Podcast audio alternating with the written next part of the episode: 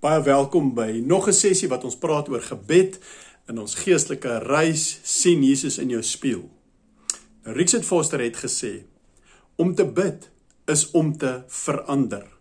Vriende, as ek en jy bid, wanneer ons waarlik in gebed na die Here toe kom, hom aanbid, vir hom dankie sê, vir hom vra vir dinge, met hom gesels oor dinge, onsself verootmoedig, dinge bely voor die Here Vriende, dan gebeur daar 'n transformasie en 'n veranderingspres hier in ons hart.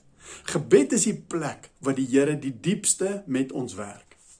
Dis belangrik dat ek en jy nie sal ophou bid nie, dat ons sal aanhou bid. Jy sien ons het 'n klomp miskonsepsies oor gebed.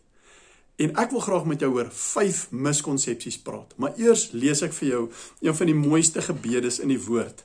Uh 'n gebed van aanbidding tot die Here. En dis Psalm 103 en ek lees net die heel eerste vers. Loof die Here, o my siel, en alles wat binne in my is, sy heilige naam. Loof die Here, alles wat in my is. Loof die Here my siel. Loof sy heilige naam. Vriende, ek en jy het die wonderlike voorreg om die Here, die lewende God, die Skepper, om hom te aanbid.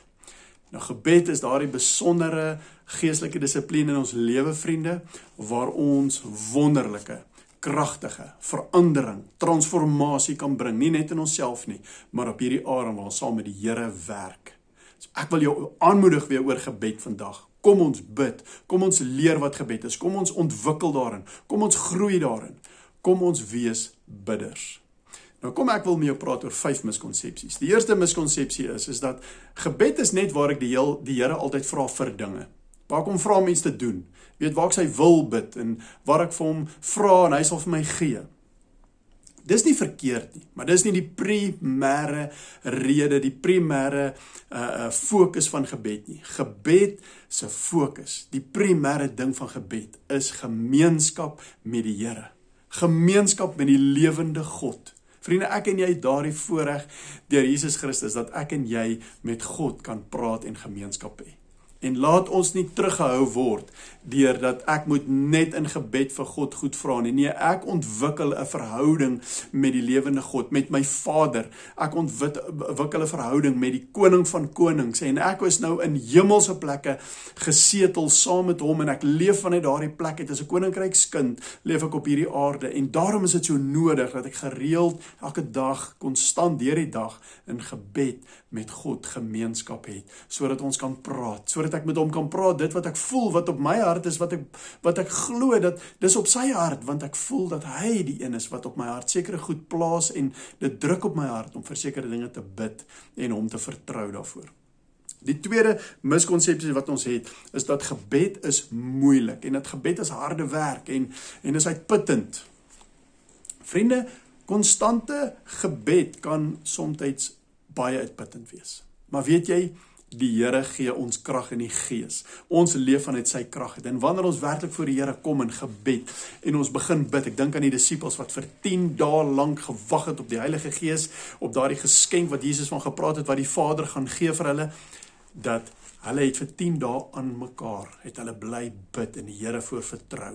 Vriende, gebed is eintlik nie so swaar nie. Is eintlik nie iets wat ons moet van wegskram omdat sjo, gebed is nou so hard en so moeilik en ek het nie nou eintlik tyd vir hierdie harde werk nie. Weet nie hoe jy daar voel nie.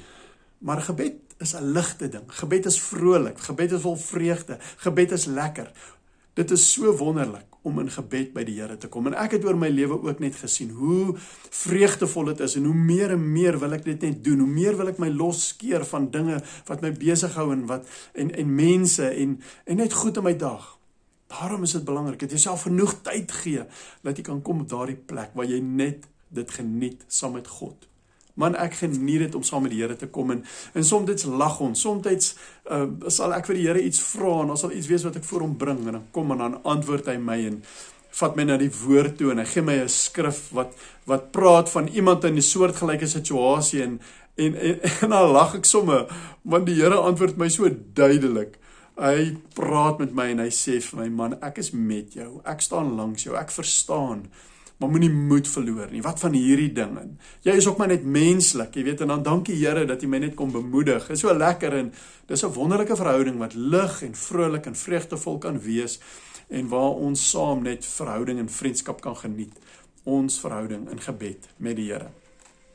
Nou die derde miskonsepsie is dat ek en jy kan niks verander aan die toekoms nie. Dat die Here het voor die grondlegging van die aarde het hy alles geweet, hy het alles besluit en die begin en die einde is vasgemaak. So daar's niks wat ek en jy jy eintlik kan verander deur gebed nie. En vriende, dit is dis nie iets wat ons moet gebruik en laat dit ons weghou van gebed nie. Dis nie die waarheid nie. God werk saam met ons en ons werk saam met God. Ons is medewerkers saam met God. Ons is medewerkers op die aarde, medewerkers van die koninkryk se werk hier op aarde. Ons is hier geplaas. Ons is hier geroep. Ons is hier ehm um, uh uh, uh uitge, uitgenooi om saam met hom te werk. En die Here roep ons om hom te volg. Die Here stuur ons om te gaan. En die Here roep ons om medewerkers te wees in die oesland in hierdie wêreld om om lewens en mense se situasies te transformeer, te verander en hulle in hierdie wonderlike liefde en genade van die Vader in te bring, om hulle in sy in sy teenwoordigheid in sy koninkryk in sy huis in te bring. Vriende, ons is medewerkers van die Here. Ons sien natuurlik in ons lewe dat dit gebeur soms, selfs by die werk, jy weet dat jy vat 'n goeie idee na jou baas toe. Jy gaan sit by hom en jy sê, "Man, ek bes jy sien hier's nou 'n ding wat hulle haar antwoord so nodig het en en jy het 'n oplossing en jy bring 'n oplossing en jy sien hoe luister hy en hy selfs intens luister hy en dit lyk asof hy dit ontvang wat jy sê en hy en hy en, en hy dit aanneem en 'n dag later vind jy uit nee, hulle klaar besluit. Hulle gaan hulle gaan iets anders te doen. Vriende, ons kan so oor die Here ook dink. Nee, Ek en jy is medewerkers van God.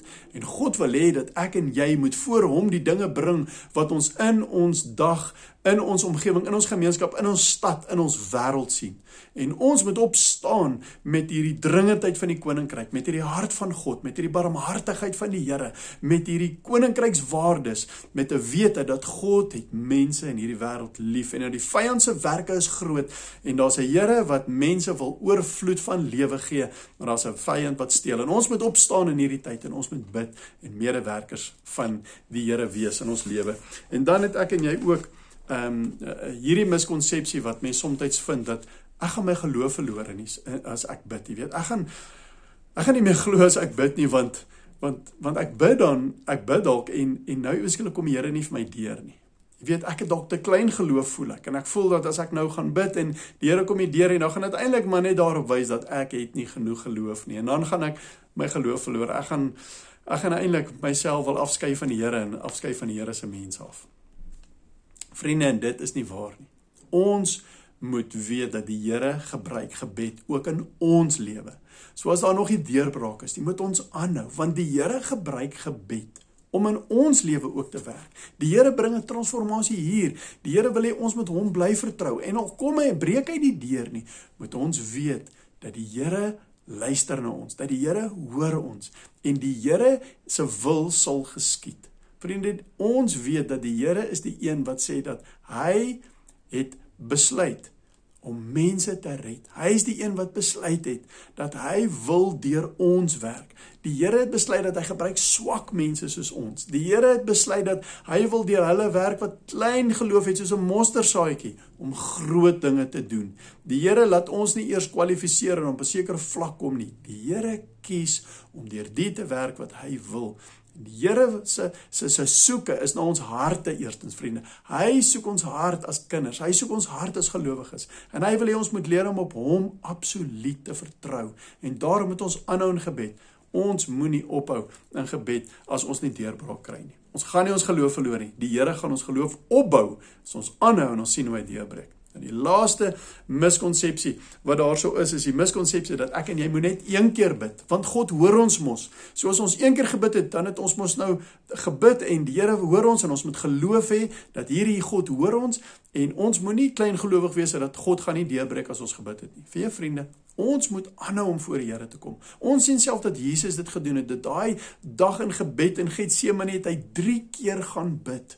Vriende, ons moet nie ophou na ons eerste of ons tweede of ons derde gebed nie. Ons moet die Here ver, ver, vertrou. Ons moet vashou aan hom en ons moet bly na hom toe gaan as ons die deurbraak nie sien nie, want ons weet hy wil hê ons moet bid. Vriende, wanneer die elektrisiteit af is in jou huis, dan glo jy mos nou nie elektrisiteit is weg nie. Dan weet jy daar's 'n fout. So ons wil vashou in gebed. Ons wil weer bid en weer bid. En dan wil ons gaan kyk na wat is fout. Dalk is daar net 'n koneksieprobleem met die krag. Dalk is 'n plak nie reg nie of 'n draadjies nie reg nie. Ons het gewoonlik die probleem by ons. Die koneksiefout lê gewoonlik by ons. En ons moet nie ophou nie. Ons moet vertrou dat die Here wil hê dat ons sal aanhou bid. Dat sheets is vir my so 'n wonderlike voorbeeld wat vertel van hierdie hierdie wonderlike getuienis dat hy is gestuur om vir 'n vroutjie te gaan bid in die hospitaal. Hy kom by haar, sy het 'n breinoperasie gehad en en en die dokter het eintlik gesê daar's niks meer wat hulle kan doen nie. Hulle hou eintlik net aan die lewe en is basies net 'n kwessie van tyd dan sy oorlede. En dat sheets het gekom en hy het gebid vir haar. En hy het in sy hart gevoel dat hy gaan aanhou bid vir haar. Hy het net gevoel die Here wil hê hy moet aanhou en hy moet vir 'n deurbraak wag. En hy sê hy het vir 'n jaar lank gebid. En hy sê daar was op 'n stadium, daar was 'n oomblik gewees gedurende hierdie jaar wat hy geweet het die deurbraak kom. Hy het geweet hulle is daar. Hulle het daai plek bereik waar die Here nou werk en waar die Here nou 'n deurbraak bring. En dit was 'n dag gewees wat sy opgestaan het wat sy rondgeloop het en gepraat het weer in sy totaal en al na hierdie breinkondisie waar daar 'n virus gekom het in haar in haar skedel en haar die omhulsels van haar van haar um, breinvliese het hierdie vrou heeltemal herstel. Sy's 'n getuienis um, dat die Here werk deur gebed selfs na 'n jaar lange gebed. Ek wil jou bemoedig. Gebed is die ongelooflikste avontuur in ons lewe wat ons saam met die Here kan stap. Kom ons gryp dit aan en kom ons word bidders, kinders wat dit geniet om om tyd saam met God te spandeer in gebed. Kinders wat God vertrou en kinders wat toelaat dat God werk in hulle en dat gebod gebed kan kom en gebed ook werk. Dankie. Ek sien jou volgende keer.